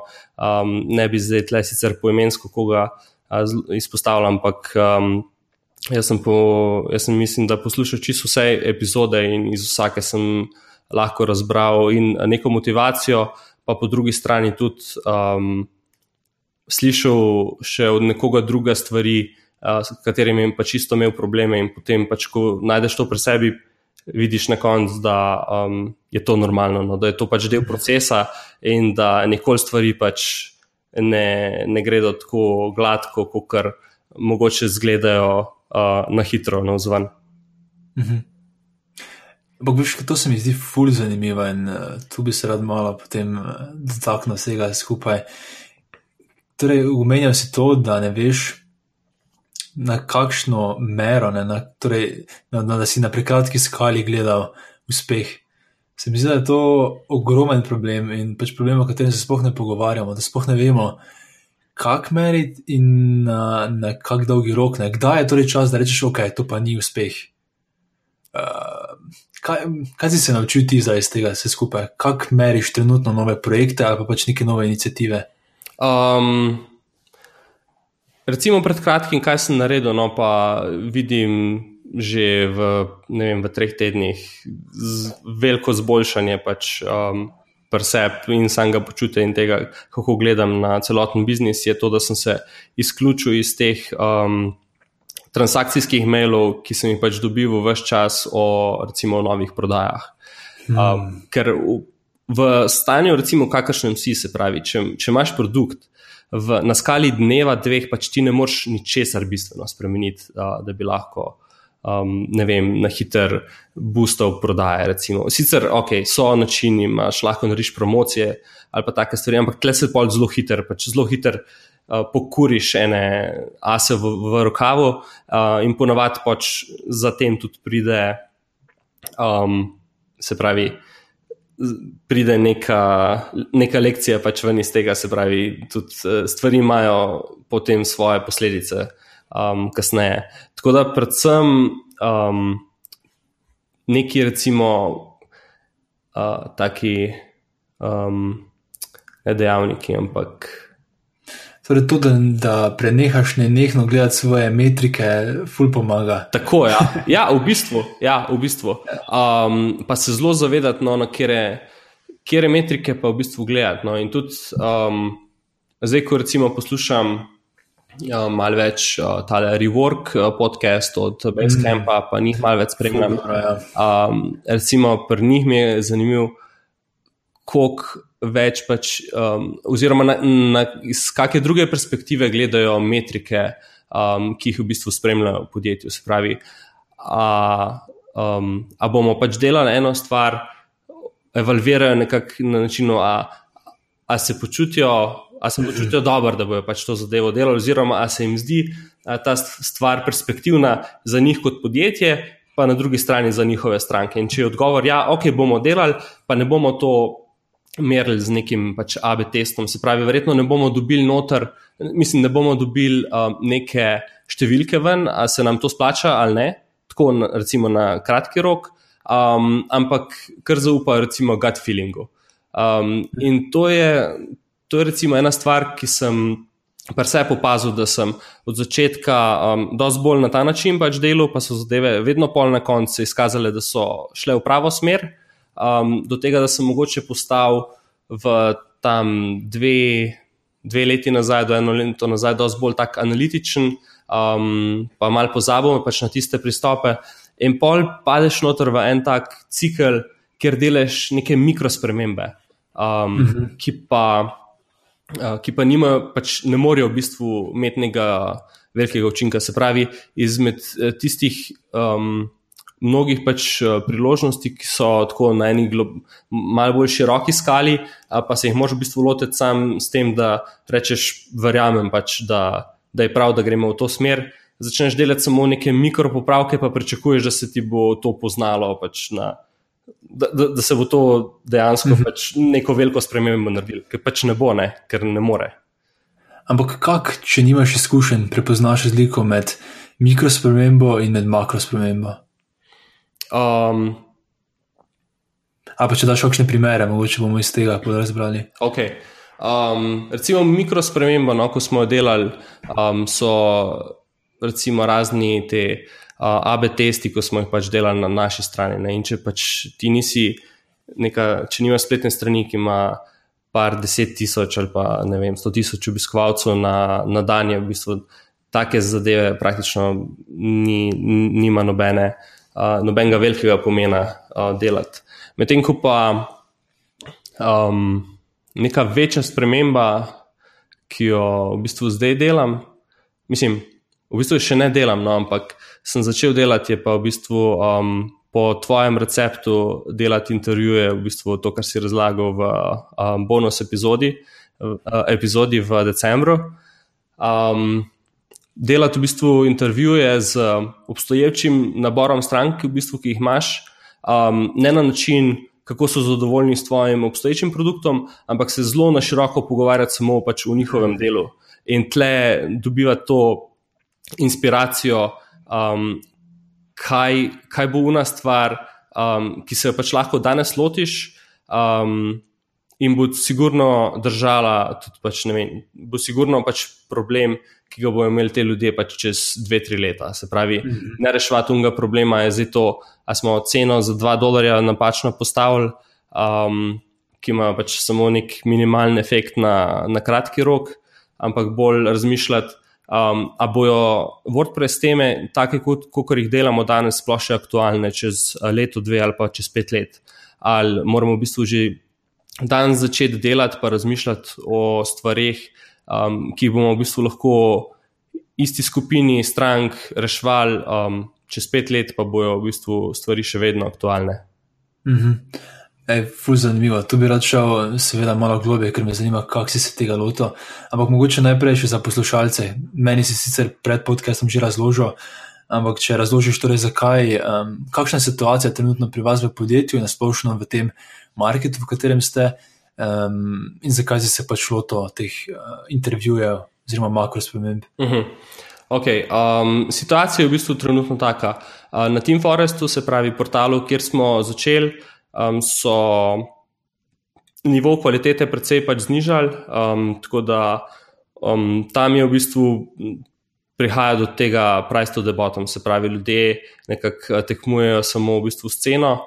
Um, poplava pač teh produktov je ogromna, uh, tako da smo potem vse sile pač. Um, Usmerili v, v lastno spletno stran. Uh, Tle pa je v bistvu tudi tako z, z WordPress temami, no, da je, um, ker je ta ponudba pač na trgu ogromna, um, se moraš pač na nek način razlikovati od, od njih. Se pravi, um, vedeti, res dobro pač poznati svoje stranke, um, tudi zakaj v bistvu se odločajo za te, um, da lahko potem pač s samim produktom to, to stvar res uh, dobro rešuješ. Po drugi strani um, pa sem v bistvu tudi jaz začel mal dvomiti no, v to, kako. Um, Če so pač WordPress teme res tista stvar, v, v kateri pač želimo um, pač nadaljevati na, na tak princip, kot smo, in sem glih zaradi tega začel uh, mogoče v samem delovnem času dajati preostanku pač ekipe um, nekako bolj proste roke, da zadeve pele, kot jih pač pele, ker sem tudi videl, da včasih jih pač jaz v bistvu svojim, svojim delom um, bolj bremzam, kot pa pomagam. Um, mm. In se v bistvu jaz potem uh, začenjam zdaj lotevati pač teh intervjujev, v katerih želim pa res najti tisto inspiracijo, kaj je tista pač, uh, stvar, ki nas bo v bistvu iz, tega, iz tega rešila na, na dolgi rok. V bistvu rešila mogoče ni prava beseda, se ni, um, nismo spet nekam tako globoko zabredli, ampak uh, ja, kjer, kjer bo v bistvu, kje danes ležijo priložnosti, ki bojo aktualne čez leto, dve, tri. Omenil si, da imaš neko željo, oziroma da nisi več imel želje, oziroma niste več imeli želje delati WordPress s tem. Ali lahko malo bolj razložiš, odkot ta želja? Ja, um, ta market tle je v bistvu res uh, tako nasičeno, se pravi, tega, da to, da gledaš um, svoje pač konkurente, vaš čas, uh, zna biti precej demo, demotivacijsko. No, in, No, v eni stopni, recimo, sem padel v, v, bistvu v neko stanje, kjer sem se kot podjetnik, kot pač zdaj gledam, preveč bal pač delati neke bolj konkretne spremembe na samem našem podjetju. No, tako da je potem tudi iz tega. Kako v bistvu jaz verjamem no, v, v podjetje, pa kam v bistvu gremo, se nekako ta zadeva pol kot virus razširi nad uh, celotno ekipo. Se pravi, če, če tudi jaz, pa jaka, pač nimamo, če ne verjamemo tako dobro v, v te stvari, um, potem tudi kot ekipa pač ne moremo dobro in efektivno delati. Mhm. Ok, te pa gremo zdaj um, na te intervjuje, oziroma na to, kar si se loto. Uh, lahko malo bolj opišuješ, s čim si začel, kaj si do zdaj počel in kaj si se naučil. Ok, v bistvu do takrat, ko smo štartali lastno spletno stran, um, sem v bistvu se vedno, um, tudi kadar sem se komorkoli predstavil, sem v bistvu rekel, da sem jaz pač programer. Se pravi, uh, res sem se lahko ukvarjal samo s kodo, um, s tem, da je pač, so v bistvu še, še moja dva sodelovca, isto programerja, da sta efektivna pač pri delu. Um, z odprtjem lastne trgovine sem v bistvu ugotovil, da bomo mogli investirati še na druga področja. In zdaj, če želimo pač investirati v marketing, osnova oziroma domača naloga, ki moramo sigurno predtem narediti, je dobro poznavanje strank. Se pravi, iz tega sledi potem vse, da lahko napišeš dober kopij, da pravilno um, staviš, recimo, pricing. Uh, tako da, čist prve intervjuje sem naredil eno leto nazaj z našimi strankami, kar je po svoje um, dost dosti hecno, glede na to, da smo v bistvu bližje štiri leta v biznisu, um, pa praktično nismo točno poznali, uh, kdo, kdo so ljudje, ki, ki kupujejo od nas. Se pravi, um, veliko stvari smo, po mojem, pač naredili na robe. No? Um, ampak uh, po spletu okoliščin um, smo pač nekako preživeli tista leta, um, naj, po največji zaslugi v bistvu zaradi um, marketplacea, na katerem smo pač prodajali in v bistvu vse te zadeve nekako že oni uh, rešijo zate. Uh, da, še, še mogoče včasih. Ja. Ja. Včasih je mogoče to, da um, na začetku, čiš ko začneš, še toliko poznaš mogoče problematiko, ker si jo sam imel. In čez kakšno leto, dve, se pa tako že oddaljuješ od strank in se ukvarjaš s samim razvojem, da malo zgubiš stik. Ja. To me zdi, da dosti krat vidim. Ne? Ja, uh, sigurno je tudi to res. Ja. Um, se pravi, takrat, ko sem čisto začenjal, kot sem že pač uh, prej omenil, točno veš, kjer problem ga rešuješ, zato ker ga praktično vsak dan podoživljaš. Um, mm, ja. Medtem ko pa potem kasneje v letu, dveh, treh, sigurno ti občuti kot prvo zbledijo, kot drugo pa se tudi. Um, recimo, pač sami produkti začnejo ta problem reševati, ne samo pač ti svojim, pa, ampak tudi recimo, konkurenčni, in ta problem v bistvu gre, gre stran. In je v bistvu moš nekako znati um, znat začutiti, kdaj se v bistvu uh, so stvari, ki si jih v bistvu zelo efektivno reševal pet let nazaj sploh niso več problemi danes, ampak mm -hmm. moš yeah. Ja. v bistvu najti nov problem, ki ga boš um, strankam reševal. Mm -hmm. Sorry, za, da ste prekinili, mm -hmm. tam se vrnite zgodbo. Ja, ok, um, se pravi, um, ja, leto nazaj sem delal te prve intervjuje, uh, takrat so se v bistvu vse vrteli okrog WordPress tem, se pravi, uh, kje jih najdejo, um, kje grejo iskat, kako v bistvu poteka ta um, interakcija z, z končnim naročnikom, kako mu pač pokažejo, kako bo njihova stran izgledala. Um, tudi stvari, kar se tiče uh, cene, se pravi, um, kakšne pač um, cene so v bistvu pripravljeni plačevati, kje vse kupujejo template. Um, In tisto je v bistvu bila neka osnova, na podlagi katere smo po, potem pač postavili um, pricing strategijo za našo stran um, pa iz tistega v bistvu tudi nekako izhajali za landing page na naši strani, ki so pač poudarjali uh, stvari, ki, so, ki smo jih v bistvu zvedeli iz tistih intervjujev. Mm -hmm. Se pravi, nehaš um, pisati tekste na podlagi tega, kar, uh, kar misliš, da deluje, ampak jih pišeš na podlagi tega, kar uh, ti v bistvu ljudje, ki, ki dejansko plačajo za te produkte, povedo. Yeah. Ja. povedo. Um, pa ne kopiraš tega, kar vsi drugi pišejo. Ja, ja, ja. ja, ja, to je tudi res. Ja. Se pravi, potem, um, ja, uh, to, je, to je pa sploh problem, v bistvu, da nimaš nekako um, svojega stališča, glede, glede se pravi, v ničemer se v resnici ne razlikuješ. Um, če pa že pač kopiraš te tekste, ki za nekoga druga funkcionirajo, pa sigurno ne bojo delovali pri tebi, zato ker um, s celotnim brandom pač ne, ne, izražaš, ne izražaš tega, kar v bistvu pišeš. Mm -hmm. e, jaz imam celo datoteko na svojem Evernote, kjer si zbiram te dobre um, value propositione. Z, predvsem v Ameriki so seveda s tem dobri. Uh mhm. -huh. To je velja proposition za tiste, ki mogoče ne vejo. Pač, ko priješ na spletno stran katerekoli dobrega tehnološkega podjetja, ima tisti veliki claim, ki reče, ne vem, be fit, pa pa spodaj pa velja preposition, še ponovadi malo bolj razložen. In to je prava umetnost, ko začneš. Jaz sem celo, ne vem, mislim, da jih 30-40 primerov.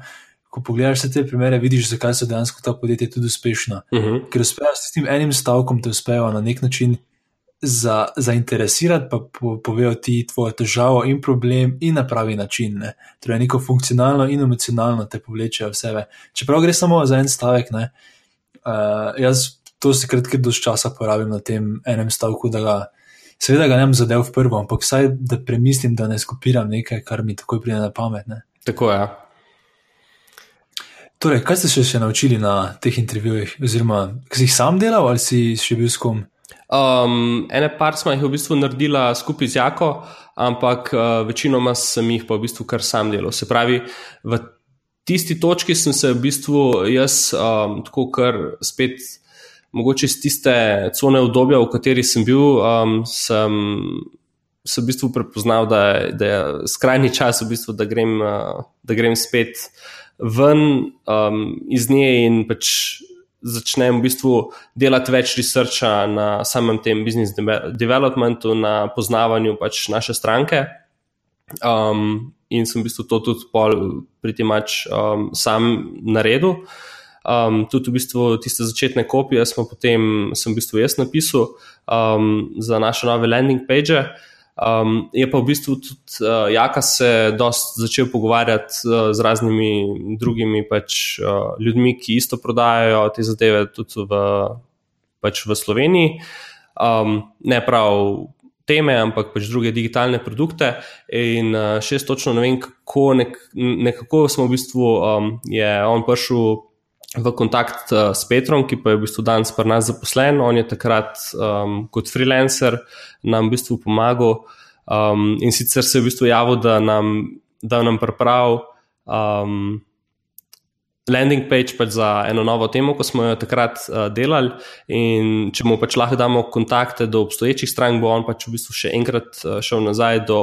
Uh, se pravi, do ljudi, naredil še enkrat intervjuje in tako formalno pač pripravil dejansko to persono.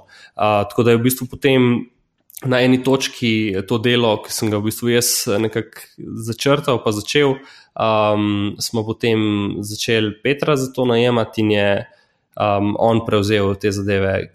In smo potem tudi z Jako videli, da stvari tako uh, dobro tle štimajo, da smo ga potem tri mesece uh, nazaj zaposlili, kar je bila spet uh, odlična ideja, tega, ker smo absolutno potrebovali v ekipi nekoga, ki um, ni ni samo, v bistvu, nima samo teh tehnični, tehničnih skillsov, kako pač razviti uh, produkt, ampak uh, smo nekoga full-time potrebovali, ki zna, um, se pravi, ki ima to znanje v bistvu iz marketinga no, in, se, um, uh. -huh. in dela v bistvu ja, na tem področju podjetja. Ravno kar sem odprl um, vašo spletno stran in mi je Peter desno spodaj pisal, če imamo kakšno težavo. Ampak, od, uh, mislim, tisto veš, ko dobiš avtomatsko. Ja.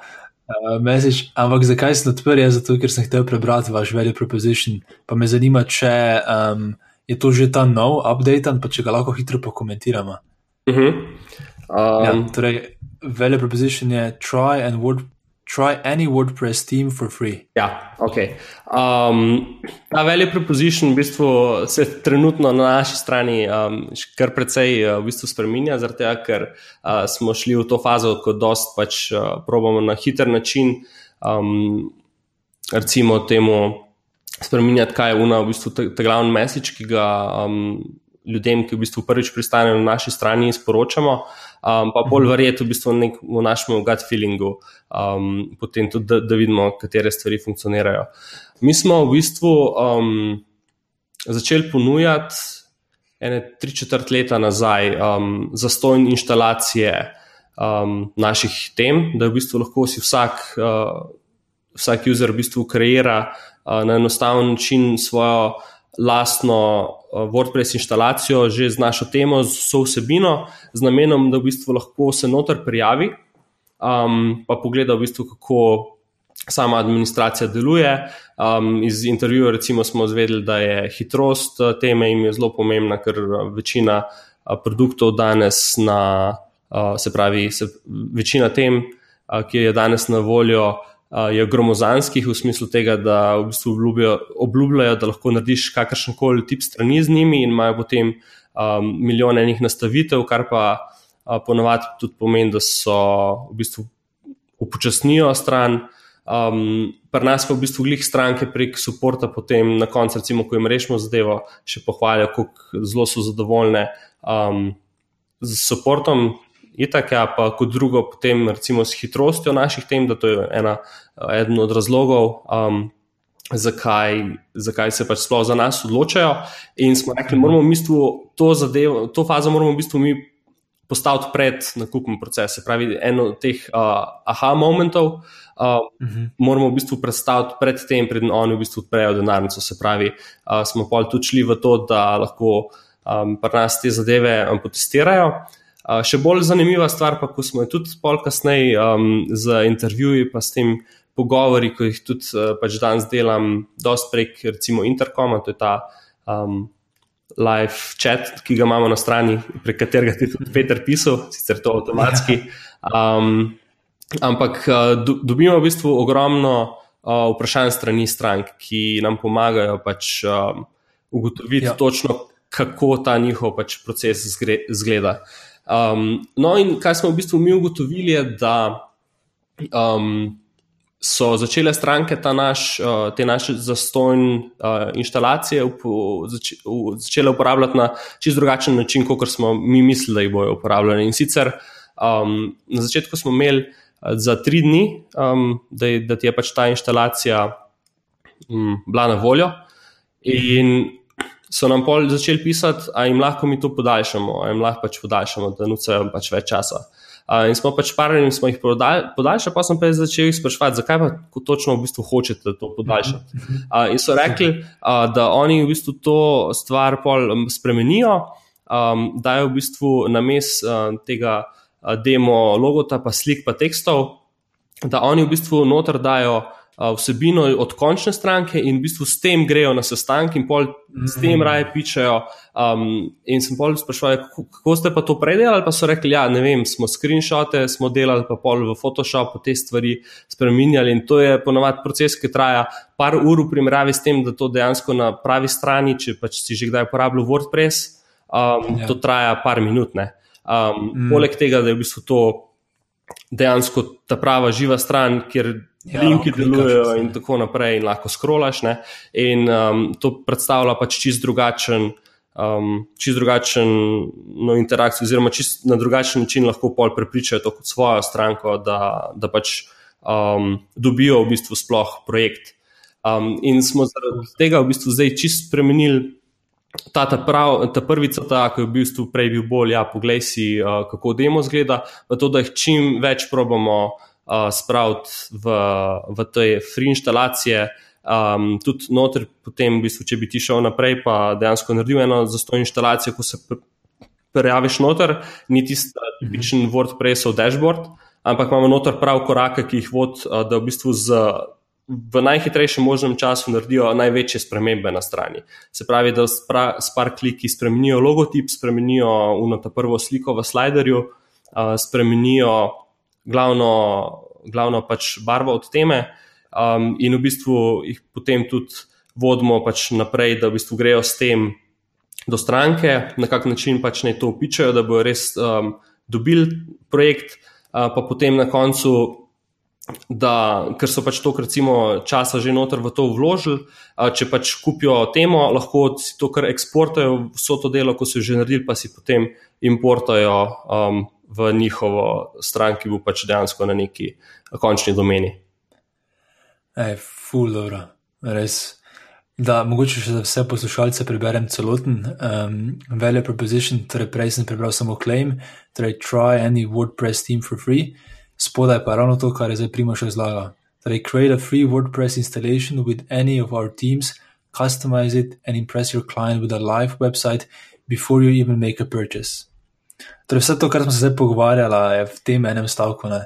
In skoraj da stranki potem ne da več razloga, da sploh ne bi provala pri vas. Ne? Tako je. Ja. Um, čim bolj olajšati v bistvu ta proces odločevanja, ne, ki um, težko se v bistvu razlikuješ v smislu tega, kaj, pač, kaj je v bistvu ta tvoj claim začetni, ker to lahko res vsak pač napiše glih karkoli. Um, in pri pravih SaaS produktih je ponovadi, uh, imaš vedno v bistvu ti nekako ta glavnica, da na strani je, je ponovadi v bistvu probe zastojne. Se pravi, skoraj skor vsi pač um, nudijo možnost zastojne ali pač do neke omejitve, ki, ki je v bistvu ja, število pač userjev, oziroma še bolj pogosto časovne omejitve. Se pravi, da ti dejansko probaš stvari, da, da stranki ne opisuješ, ampak da, da ji pokažeš, pač, kako, kako ona lahko to uporablja. Um, In da ona pač vidi veljo v tem, ne v tem, da ji v bistvu ti poveš, da ona nuca tvojo uh, storitev. Ne.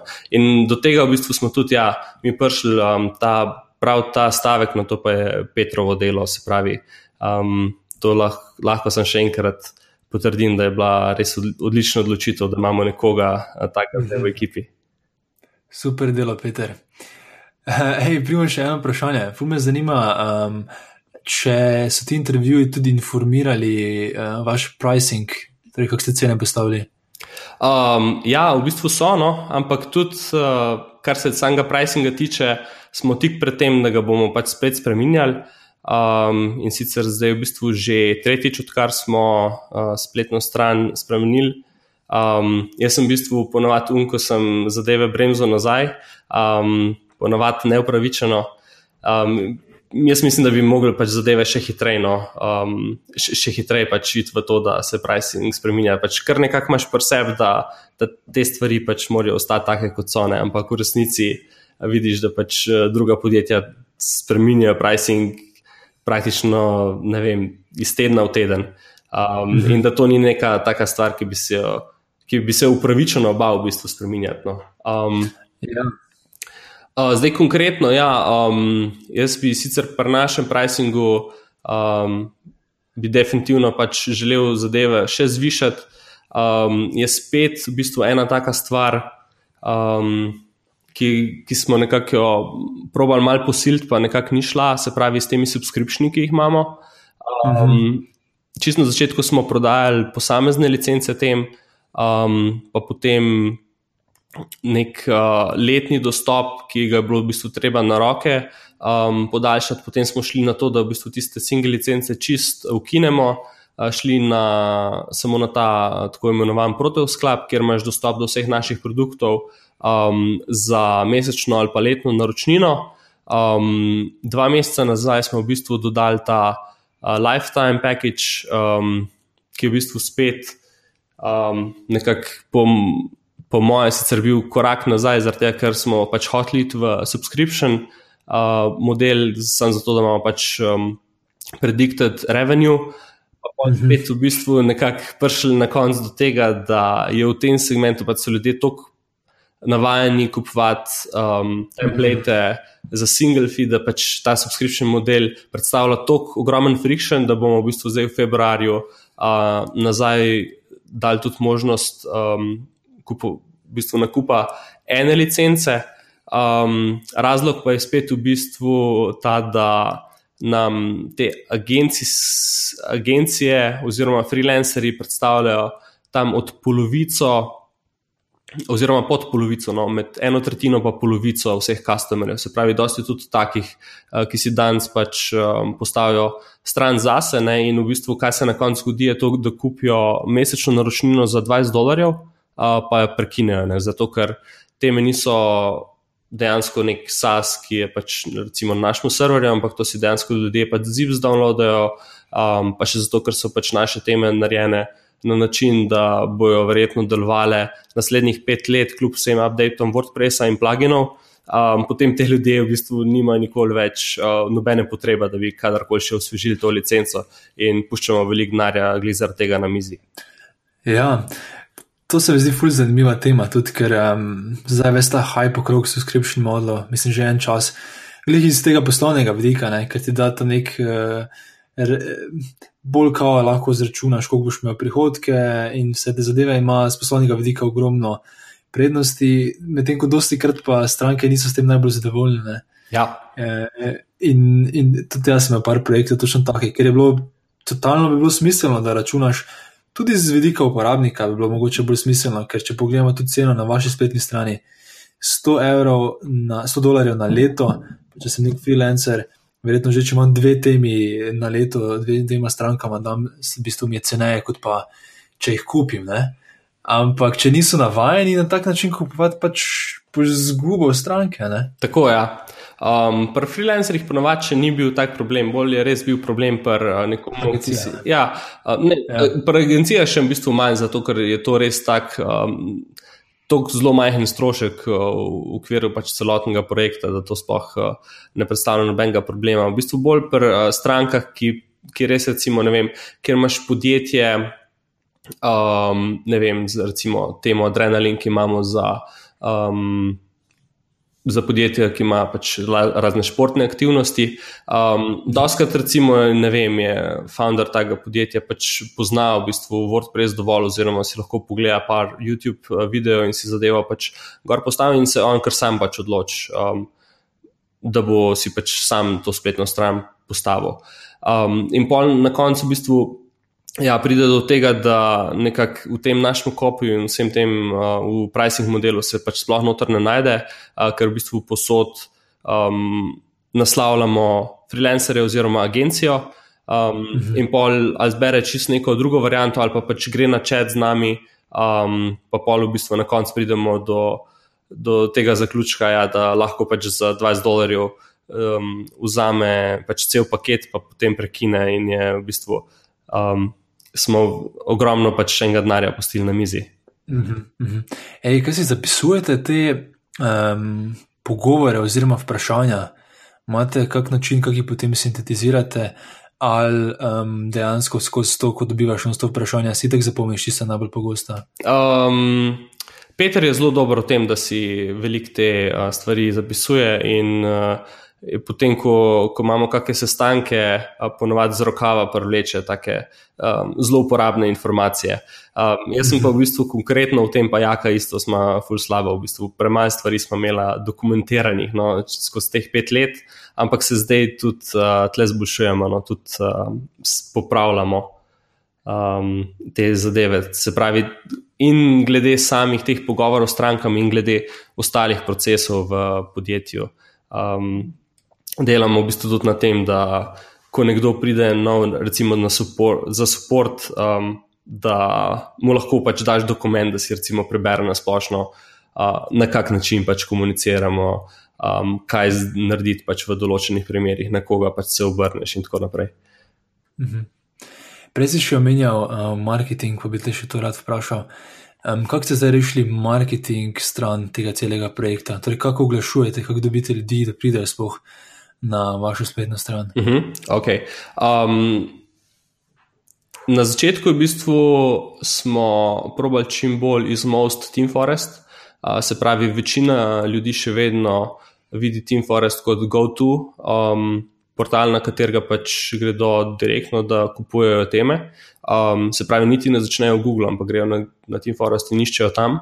Um, tako da nas v bistvu Predvsej ljudi nas še vedno pač najde na Team Forestu, potem pa poskrbimo, da je v bistvu ta celoten proces od tam naprej čim bolj povezan direktno z nami in v bistvu na, na, na en način v bistvu krademo stranke od tam.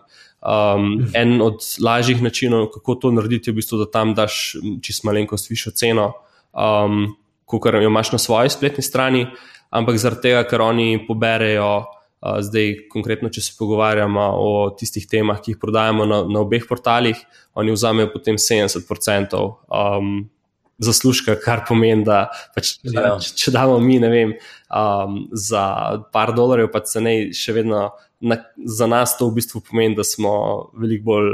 Uh, veliko več pač dobilo od ene prodaje, kot pa če bi stranka kupila na Team Forestu. Um, potem druga stvar je content marketing. Um, ene par člankov imamo pač na našem blogu, um, ki so v bistvu napisani čist po principu, kot ga zagovarja Primož Božič, o katerem se je pogovarjal, mi je bilo kar zanimivo. Primož, mhm. prej nisem poznal, no, ampak uh, po principu teh ultimate guidov. No. Um, in ta vsebina v bistvu začela zelo dobro na Googlu rangirati in vsak, vsak teden praktično. No, imamo, dobimo pač več um, obiskovalcev iz Organic Searcha um, in to je v bistvu tudi no, ta glavna dva kanala. Sem pa tudi uh, se jaz v zadnjem letu malo več začel um, pojavljati in dobro, to je v bistvu tretji podcast, v, v katerem sem.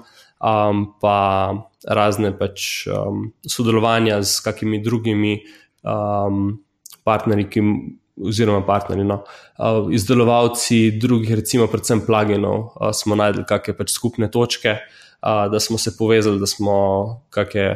Um, Recimo, da je kakšne linke en drugemu na spletno stran. Mm. Um, kar pač sicer vsaka od teh zadev, nobena ni bila taka, da bi nam pač čez noč um, spremenila vem, promet, ampak ko jih pa pač, ko pogledaš po enem letu, za eno leto nazaj, ne, jih je pa ne vem, jih je pa veliko takih majhnih, ki vsaka doprinese.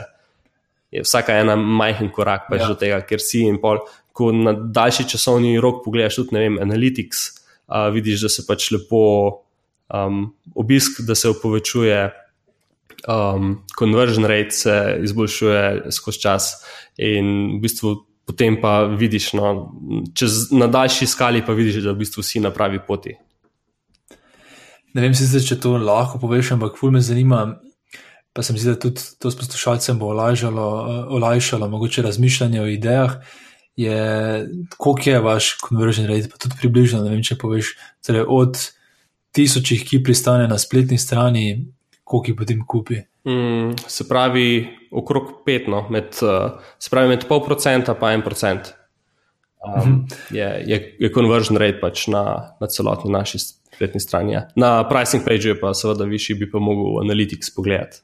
Ja, ja, ne se že to je full uporabno. Pa veš mogoče, koliko so kaj industry benchmarks, ali pa mogoče tudi, ja, e-commerce conversion rate. Sicer to lahko tudi hmm. ljudje sami pogledajo. Ja, ja. Um, ne, zdaj le iz glave, težko rečem, ampak je prav tle v, v tej industriji, hm, ne vem, no, težko bi rekel, po mojem, da smo kar tu, tu ampak da, ja, ja. Da, da je še možnost za izboljšave. Pa mogoče res ta metrika um, malenko slaba, no, um, gledati uh, overall za celo stran, conversion mm. rate. Um, sploh zato, ker imamo pač v bistvu zelo širok nabor produktov, pa še mi smo itak imeli problem, oziroma problem, ki sem se ga zelo dolg. Um, Ki sem ga zelo dolgo reševal, je bil v bistvu to trekanje ljudi med različnimi domenami, se pravi, Team Forest, pa potem naše demo strani, pa potem naša stran, pa payment provider, pa v bistvu zdaj je še ta um, nov, v bistvu ta nov. Um, Zastoj in te instalacije, eh, ki jih lahko imajo, ki so v bistvu spet na čist drugi poddomeni, in um, ljudi trekati tle, vmes čez vse te korake, je kar um, precej, precej vel, velik tehničen challenge. Ja, definitivno. Um, za sekundo bi te samo še um, bi šel nazaj na tisti ultimativni vodič, o mhm. katerem si uh, govoril. In sicer me zanima, če ste za njega naredili kakšno analizo naprej. Veš, kot si prej razlagal, da sta z Jako naredila analizo za uh, BuildPress in je potem bil totalni hit. A sta tudi, tudi naredila kakšno analizo na, na tej uh, Google AdWordsu, veš, kaj ljudje iščejo, o čem bi mogli pisati. Um, ali ste imeli kakšen drugačen, drugačen proces? Hm, bolj gut feeling. Uh, okay. Oziroma, želeli smo se pozicionirati uh, kot izdelovalci tem, ki hitro delujejo, ki hitro delujejo pač na, na mobilnikih, um, ki ti bojo v bistvu dali na Google PageSpeed Insightu, ki je v bistvu raktor, faktor za rangiranje uh, v Google. Um, da v bistvu tam dobiš um, zeleno kljubco, če uporabljaš našo temo. Um, in smo v bistvu tudi ultimativne gade okoli okol tega pač, uh, napisali. Je pa nasplošno WordPress tematika in ta how to okrog tega, um, tle je na internetu ogromno napisanega in um, tle so v bistvu naši konkurenti, um, ki isto pač recimo prodajajo teme. Um, poznam jih ene par, ki ima pač okoli tega cele department, ki ima recimo deset ljudi zaposlenih samo za content creation. Ja. Uh, tako da po svojem je v bistvu kar zanimivo, da um, glede na to, koliko mali smo, no, pa kolik, uh, da v bistvu nimamo nekoga, ki je dedicated za to, ampak smo samo ena obdobja malo več v to investirali, uh, da še vedno v bistvu full dobro za tiste stvari, ki smo se jih lotili, v bistvu zelo vredno rangiramo. Če se tako osebno zanima, kako je pa kaj dolgi ta uh, ultimativni vodič? Um, imamo od oka, ja, 20-30 strani. Ma, imamo, imamo jih, uh, v bistvu dva imamo, no, taka, oziroma tri imamo, take, ampak dva sta konkretno za PageSpeed, en je za optimizacijo slik. Uh, tega je napisal Marko, ta, drug je, ta, ta drugega je Gregor napisal je na splošno za optimizirati hitrost nalaganja um, WordPress spletne strani. Uh, mislim, da je en dolg 8000 besed, ta drug pa 11 ali 12000. Mhm. Ena stran ima pa kaj nekaj 500 strani, teda smo pri enem na 2x16 strani, en je pa torej 20. več kot 20. Ja, Ja, ja, kul, kul. Ne, dobra strategija. Tudi eh, po tej epizodi z Primožem sem tudi sam začel dosta razmišljati o tem. Um, sem tudi začel razmišljati, mogoče če bi dal te vse podcaste jaz transkribirati, ne? Ja, ker ste mi na nek način dobil točno ta juice, ki ga Google nekako najbolj prepozna. Ker en problem podcastov je, da imaš vse to skrito v neki audio datoteki, ki je 30 megabajtov velika, v kateri je ogromno kontenta, ampak Google tega ne zna indeksirati. Ne? In kar v Ameriki dela, je, da najame te za transkribiranje. Um, teda malo, malo iz osebnih razlogov tudi sprašuje. ja ne, s, uh, sigurno. Je pa po drugi strani spet samo vprašanje časa, da bo bodi si A pač Google to znal, um, se pravi tudi audio datoteke prebrati, ali pa v bistvu B, da boš imel vsa servis, ker boš pač ne vem, za 5 dolarjev um, ti bo v bistvu dal ven tekst. No. Mislim, da, da v YouTubu itak že to zadevo, recimo, dobiš, če, če želiš podnapise v bistvu delati, um, da lahko jih avtomatsko v bistvu ti, ti predlaga tekst, pa ga potem samo popraviš. Ja, tako nekih 90 do 95% je pravilen. Um, zdaj, ko imam še ta podcast v angleščini, sem preizkušal in še vedno na koncu je kar dela. Ne? Ampak ja, ej, če bi bilo to za 5 evrov, SAS, ki je bil 99%, Ja. sign me up. Ne? Ja, ja. ja v, v, več. Vsak tak problem se bo sigurno pač slejko prej uh, rešil z uh, tehnologijo. No? Tako da ja. uh, tudi te intervjuje, ko pa jih recimo v zadnjem mesecu uh, z ljudmi delam, ki so pa zelo bolj odprte narave, uh, kot tisti, ki sem jih pač. Uh, Delo lani, no, tudi uh, veliko dobrih praks uh, sem v bistvu glih iz uh, tvojega intervjuja pobral. Um, ja, tle noter pa v bistvu glih iščem une priložnosti, ki pa jih v bistvu danes ljudje v njih sploh še ne razmišljajo, da bi pač jih lahko um, tehnologija v bistvu rešila, se pravi, en kos kode names uh, nekega človeškega inputa. Se to je glih meni najbolj všeč pri tej metodologiji. Ne? To ne vem, če se vedem, kdo je IDEO, je to metodologija v bistvu iz antropoloških krogov vzel in je v bistvu idealna za iskanje stvari, ki jih ne veš. veš problem je pri dosti teh metodologijah, predvsem teh biznis metodologijah, je, da raziskuješ stvari, ki jih veš, da jih ne veš. Torej, tako nasplošno obstajajo tri tipi znanja. Eno je stvari, ki jih veš, da jih veš, stvari, ki jih veš, da jih ne veš, in stvari, ki jih ne veš, da jih ne veš. In ta metodologija ti glih tu, full fine pomaga pri stvarih, ki jih ne veš, da jih ne veš. Ker so tako odprta vprašanja, da se prepustiš pogovoru in se prepustiš tudi sogovorniku, da ti odpre neke teme, ki mogoče sploh nisi razmislil na njih, in potem postaviš vprašanja, uh, ki jih tudi nimaš pripravljena. Ne? Verjetno predvidevam, da si tudi sam nekaj takega naletel. Točno to, čist vsak intervju je v bistvu začel se približno na isti način, se pravi, nekaj istočnice daš na začetku, ampak pol. Končaš pa v bistvu na čist različnih, uh, čist na različnih koncih, na čist različnih tematikah pač uh, te intervjuje. Ej, um, super, Primož, mislim, da smo zelo lepo podebatirali um, in šla v globino pri mnogo zanimivih temah. Kot veš, imam na zaključku, zaključku še par takih vprašanj, ki ponovadi pripravim na podlagi tega, kdo je gost. Torej, za tebe imam uh, dva ali pa tri. In kot prvo me zanima, um, kaj so mogoče takšni viri, pri katerih se ti sam učiš o podjetništvu. Um, kot najprej, v bistvu, ja, uh, tvoj podcast. um, to sigurno. Uh, iz tega je en, en kup, mogoče dosti direktnih, pa še več nekih indirektnih uh, zadev šlo ven. Uh, v bistvu, ja, se naučil enih uh, stvari, se povezal pač z ljudmi, imel z njimi kakšne kave in tako naprej. Um, kaj si pisal gostom? ja, ja, Ok, kul. Cool. Ja, ja precej. Um, potem, um, ja, poleg podcastov, uh, sem precej v bistvu začel zdaj brati različne knjige. Um, imam jih ene doma, ene v bistvu par takih, um, ki so ja, na, na mojem lagerju, no, da jih uh, v kratkem preberem. Um, bolj tudi mogoče iz smisla tega, um, kako kako v bistvu um, dobro postaviti vizijo, pa mogoče take teme, ki če sem včasih v bistvu neke bolj tehnične knjige, knjige bral, mogoče te bolj um, ne spiritualne, ampak um, ki ti pomagajo. Ja, ja, tako v bistvu bolj podjetniško no, um, branje.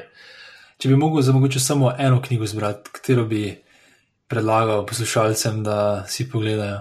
Um, zdaj, sem, zdaj sem začel z Simonom Sinekom, Start with Why. Mm. Nice. Recimo, t, t, mislim, ta je zdaj um, najbolj sveža. No, tako da ja. tako je padlo na pamet. Škaj sem kar navezal na to vprašanje, pa ga še jaz odgovoril in sicer prej si o reworku govoril. Moram reči, da to je meni ena izmed najbolj zanimivih, mogoče tudi knjig, ki ima največji vpliv na mene. Teda vsem, ki še niste prebrali reworka ali pa ki niste poslušali rework podcasta, toplo, toplo, toplo priporočam. Se mi zdi, da na ves potem podjetniški svet gledaš. Tudi če ne gledaš popolnoma drugače, vse se zavedaš, da so ljudje, ki govorijo drugačne stvari. Ker to je ena stvar, ki mi je malo v tej podjetniški sceni. Uh, osebno me je motila, zakaj sem delal, začel delati za kulisije, to, da so vsi v bistvu bolj ali manj iste stvari govorili, oziroma o isti zgodbi. Na, na isti način so pač prodajali to, ne pač ja, uh, investicija, unicorn in podobno. Mm -hmm. Obstaja pa toliko še nekih drugih načinov in, in ta rework je glih, full, full, dober primer kak sta dva soustanovitelja, tudi programerja, ne? ali bi en dizajner. Uh, dizajner, ja. Dizajner. En dizajner, en programer, ja. sta res naredila kultno podjetje. Ja, res je. Um, ok, naslednje vprašanje. Kakšen nasvet bi dal sam sebi, ne vem, lahko sam zbereš, 20 ali pri 25 letu? Um, bom raj pri 25, uh, ker to je v bistvu dve leti nazaj. Um, Zgubil sem v bistvu takrat uh, mogoče ta um, pogumno, da, da v bistvu je, moraš ostati res pač pogumen. Se pravi, ko enkrat pri podjetništvu padeš v nek komfort zone, ko, začne, ko v bistvu nehaš um, delati neke take radikalne spremembe, ko preveč začneš mogoče um, nek mikro, uh, mhm. mikro vrh iskati. Um, je v bistvu boš sigurno nazadoval, pač slejko prej. Um, takrat je v bistvu sicer sem imel pač ta občutek, da res najdeš eno formulo, ki deluje, in zdaj je treba pač sam ponavljati, ne tega pač ni, sploh v IT-ju pač tega sigurno ni. Uh, to je pol recept v bistvu, da, da zaspiš in uh, je pol par mesecev ali pa eno leto kasneje, uh, je že v bistvu dosti, da vidiš, da si um, padel precej nazaj, no, v primerjavi s tem, sem kjer si bil. No. Ker na začetku res um, si v bistvu pogumen, zato ker nimaš nič za izgubiti, potem pa imaš um, podjetje malo zraste, um, imaš par zaposlenih. Um, Se počutiš, da si v bistvu ja, za njih odgovoren, in potem pač nehaš delati neke bolj radikalne spremembe, oziroma spremembe, ki se tebi pač um, zdijo, da so, da so te prave, um, pač na dolgi rok. No. In to, da da bi takrat v bistvu mogel biti bolj pogumen, kot sem zdaj se provam pač nazaj uh, v ta mindset dati in na koncu pač vidim, da je to way to go, pač da gre potem spet uh, podjetju dobro, pa da gremo na naslednjo stopničko. Mhm. To je mogoče spet ko to poslušamo, teh poslovnih nasvetov od velikih podjetij kjer pa ima smisel potem optimizirati to formulo. Ne. Točno to je. Ja. Pa, ja, na začetku bolj, uh, ampak ko si tudi manjše podjetje, mislim, da je dosti več tega uh, inoviranja na makro um, nivoju, kot si temu sam rekel. Ne. Ja. Ok, pa gremo še na uh, zadnje, končno vprašanje, uh, ki je včasih uspešno, včasih neuspešno, odvisno od gosta, oziroma ja, od gosta, ampak tako je moj, moj bed, da to vprašam, ampak vseeno, da te bom vprašal. Ja. Sicer me zanima, če imaš kakšno poslovno idejo, ki se ti zdi kul, cool, sam nimaš časa za njo, pa bi jo delil z, z poslušalci. -huh. um, mam, sigurno imam, um, samo mogoče bom nucal par sekund, da se jo spomnim. Komod, ja. ti, ker si zdaj čas. Ok, vem. Um, stvar, ki bi jo pač jaz z veseljem naredil, pa je v bistvu čisto iz IT-ja.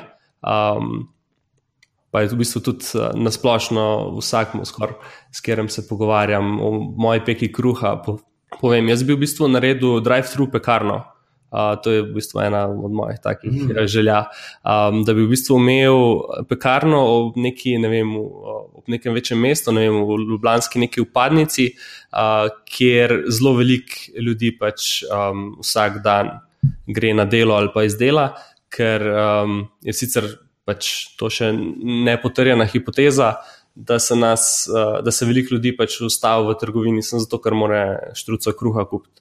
Um, in če bi v bistvu imel možnost, kot imaš v McDonald'su, zapeljati na okenček, pa pač dobiti burger, da bi pač le dobil štruco kruha na pravi lokaciji in bi ta stvar znala dobro funkcionirati.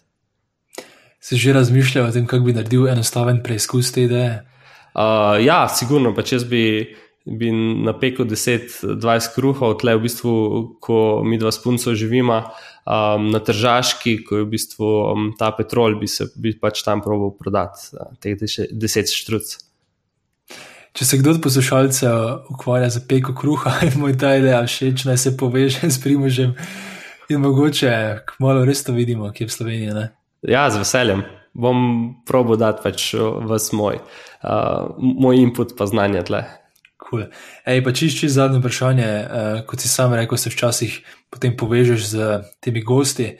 Torej, kje lahko tebe, mogoče kdo, ki je uspel poslušati to uro 40 z nama do konca, kako lahko vstopi v stik s teboj? Um, najlažje je moj e-mail, uh, primozafnaproteusnet.com, uh, na Twitterju sem primoz Cigler um, ali pa ja, nič 31, 741, nič 24 je moja telefonska. Okay. To da bo res Super. enostavno. Ja, hej, Primoš, res hvala ti uh, za vse te detajle, ki so bili res izčrpni in zanimivi, in hvala ti za tvoj čas. Aram, hvala tebi uh, za povabilo, pa nasplošno hvala za projekt za kulisje. Z veseljem, se tudi sam učim. Torej, še predtem zaustavite ta pogovor, kar predvidevam, da veliko krat naredite, takoj po koncu pogovora, zato ker posnemo malo drugačen avto. Zakaj? Zato, ker me zanima, koliko od vas res posluša do konca. Teda bi prosil, da vse, ki ste poslušali do konca, da mi pošljete mail na alenfalic.afnagmail.com s poročilom: Evo, poslušal sem do konca. In pa če imate čas, um, mi še dajte kak predlog glede gostov, ali pa um, da mi date komentar na iTunesu, um, oziroma ocenite podke za kulisije se s tem pomagate uh, širiti besedo, oziroma pomagate tudi to, da najdejo drugi uporabniki laže ta podcast na iTunesu. Trenutno imamo, mislim, da 52 ocen, čisto vsakemu si zahvaljujem, da si vzel čas in to naredil. Tistim, ki pa še to boste naredili, se pa zahvaljujem v naprej. Hvala še vsem enkrat za vso podporo pri tem projektu. In, um, če imate kakršne koli predloge ali karkoli, mi kar pišite. To je to, uživajte in se slišimo čez 3, 4, 5, bomo videli 4 tedne, verjetno. Čau.